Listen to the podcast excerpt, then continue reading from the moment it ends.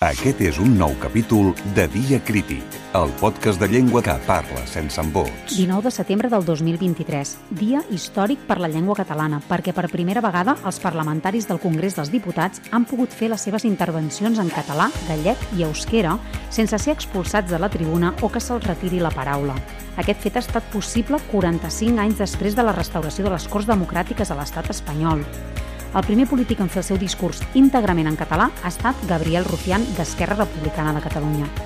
Jo avui aquí parlaré en català, primer perquè, perquè puc, gràcies a l'escola catalana. Segon perquè és la llengua del meu país. Tercer, perquè és una llengua que estimo tant, que és la llengua que vaig escollir parlar amb la persona que més estimo d'aquest món, que és el meu fill. Quart, perquè molts de vostès, molts de la que han provocat una intransigència i un cinisme històric, han convertit parlar en altres llengües com el català, l'aranès, l'euskera o el galego en un acte revolucionari. I cinquè, perquè hem arribat a un acord històric. Els moviments polítics de les darreres setmanes han fet possible un fet que, pel que hem vist, hi mancava voluntat política, en paraules de la portaveu de Junts per Catalunya, Míriam Nogueres. Pau Casals, de qui commemorem el 50è aniversari de la seva mort, deia «Sigueu fidels a la terra i a la llengua, no per tancar-vos, sinó per tenir veu pròpia». Avui, 19 de setembre del 2023, en aquesta cambra ressona per primera vegada, sense censura i sense limitacions, també la llengua catalana. A partir d'ara, a banda del català, al Congrés també es podrà parlar en gallec i euskera, tal i com van fer el diputat socialista José Ramón Gómez Besteiro i la diputada de Bildu Merche Aispurúa. É unha dobre honra, xa que me permite estrear o sistema de traducción simultánea na que é a miña lingua materna, o galego. Egunon, buenos días. Euskal Herrian, Euskaraz bizi nahi dugu. Euskal Herrian, Euskaraz bizi nahi dugu. Dia Crític, el podcast de la llengua catalana per als qui pensen que el català té solució. A l'inici del podcast dèiem que el 19 de setembre d'enguany ha estat una fita històrica pel català. I és que no només es va parlar per primera vegada al Congrés, sinó que l'oficialitat de la llengua catalana es va portar a votació al Consell de la Unió Europea el mateix dia. Seria el català la 25a llengua oficial de la Unió Europea? A hores d'ara sabem que no va haver-hi votació ni unanimitat per part dels 27 països, però segons fonts europees, les discussions continuaran a l'octubre. Hem volgut parlar amb dos eurodiputats i saber com van viure aquella jornada. La socialista Laura Ballarín ens ho explica. Crec que com a catalanoparlants va ser un, un gran dia que el govern d'Espanya portés a una reunió tan important com el Consell d'Afers Generals de la Unió Europea aquesta qüestió eh, crec que, que és un gran pas endavant. Mm, no em va estranyar que no es prengués la decisió el primer dia. Crec que és un tema prou, prou complicat i, i totes les decisions a nivell europeu tarden moltíssim a Europa coneixen quina és la realitat lingüística catalana? Hi ha desconeixement, com nosaltres no tenim eh, el mateix coneixement de, de la riquesa cultural i lingüístic a Romania o a Estònia. És evident que, que, que cal fer i ho estem fent aquí amb els nostres companys d'eurodiputats, del nostre grup. Fa falta encara més pedagogia per explicar doncs, eh, d'una banda, la, la, la rellevància que té i el, el nombre de, de parlants que té el català, no? que, que considerem que té uns 10 milions de, de parlants, seria una de les 15 llengües més parlades eh, de la Unió Europea, i d'altra banda també cal explicar quin és l'encaix legal que té amb la Constitució espanyola, que això tampoc ho saben. Laura Ballarín ens ha comentat que a Europa ara mateix hi ha dos processos diferents oberts pel que fa al català.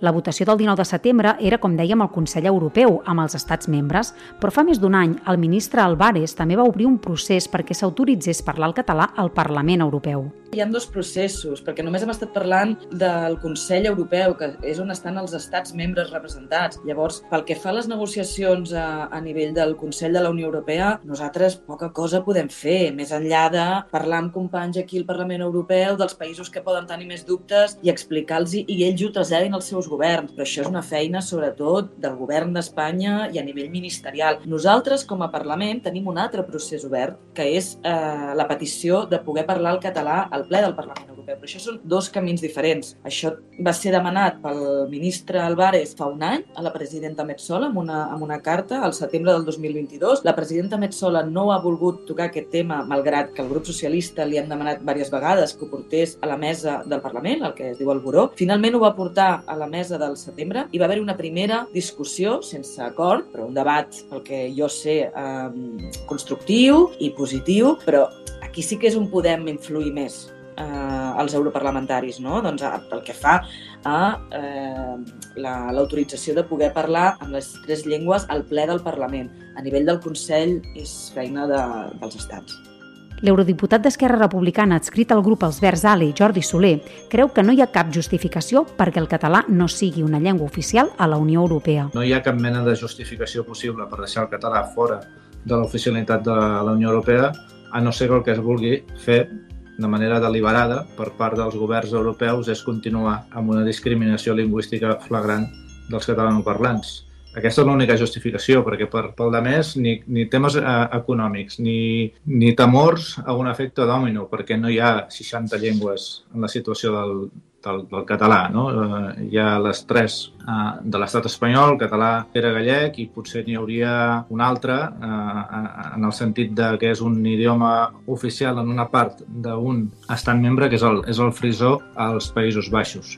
Soler ens ha explicat què significa parlar de diversitat lingüística en clau europea. Quan parlem de, de la diversitat a Europa, tot, moltes vegades es, es tendeix a reduir aquesta diversitat, és a dir, la diversitat real va molt més enllà dels 27 estats membres actuals i de les 24 llengües oficials eh, actuals. No? Per tant, aquesta diversitat deixa fora realitats que, són, que, estan, que estan allà i que són molt tossudes i que són molt persistents, i una d'elles és la realitat catalana, tot el que això implica, i per tant també la realitat de la, de la llengua catalana, que malgrat que tenim problemes, és una llengua evidentment amb, amb problemes, amb, amb un ús social no? al, al nostre país i en, i, i, en unes, i en algunes parts de l'àmbit lingüístic català doncs, en una situació dramàtica, no? amb, amb, un, amb una situació de recessió clara de, de l'ús social, però en qualsevol cas és, és una llengua que té un, en fi, que té una, una, una història que està perfectament codificada, que té suport institucional, que, és, que té un estatus d'oficialitat i, per tant,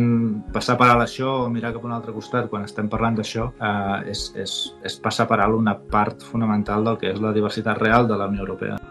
Dia Crític, el podcast de la llengua catalana per quan ho vegis tot negre. Probablement has rebut aquest vídeo d'en Pep Guardiola demanant al ministre suec Ulf Kirstersen que Suècia acceptés el català com a llengua oficial de la Unió Europea. This is a message to the Prime Minister of the Sweden, Mr. Ulf Kirstersen.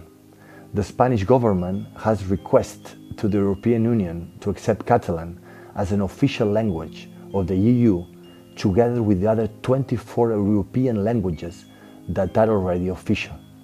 For this to become a reality, all European countries must say yes. Ours is a millennia, all languages spoken by 10 million people, and it is part of the European cultural heritage that we all take pride in. I asked Sweden to accept Catalan, my language, as an official language of the Union. Thank you very much. Dia Crític, un podcast setmanal amb guió i locució de Gemma Bufies. Aquesta ha estat una iniciativa de Plataforma per la Llengua i la seva campanya Say Yes a favor de l'oficialitat del català. Ens l'explica el cap de l'àrea de drets lingüístics de l'entitat, l'Òscar Adrià Ibáñez. Nosaltres, a més de fer pedagogia sobre que sí que té efectes sobre el dia a dia dels parlants, doncs, eh, intentem fer accions conjuntes canalitzades, doncs, com ara la, la projecció que vam fer a l'Ajuntament de Barcelona, eh, els vídeos de personalitat entitats que fan uh, peticions directes de, de, de votació en, el, en els diferents estats membres perquè requerim l'unanimitat en la votació dels estats membres. L'enviament de cartes, la diplomàcia que estem fent amb els consulats, representacions, tota aquesta activitat que, que fem de manera unida a partir de la força que ens donen els nostres socis i ara també les persones signants i també els mecenes econòmics d'aquesta campanya eh, ens permet que tot sigui molt, molt més visible i que es visibilitzi que és una qüestió important. Una campanya que segueix activa i que podeu consultar a la web de Plataforma per la Llengua. Acabem aquest podcast amb les paraules reivindicatives de la diputada Míriam Nogueres al Congrés dels Diputats en la seva intervenció del 19 de setembre. Cada paraula en català que pronunciem és una afirmació de la nostra identitat. També és una celebració de la nostra història i una reivindicació dels nostres drets com a nació. Avui, en aquest moment històric, la nostra llengua catalana pronunciada en aquesta cambra és l'evidència d'aquest camí imparable cap a la llibertat. Dia Crític, el podcast de la llengua catalana que posa al punt de mira les fortaleses i les debilitats de la llengua dels països catalans.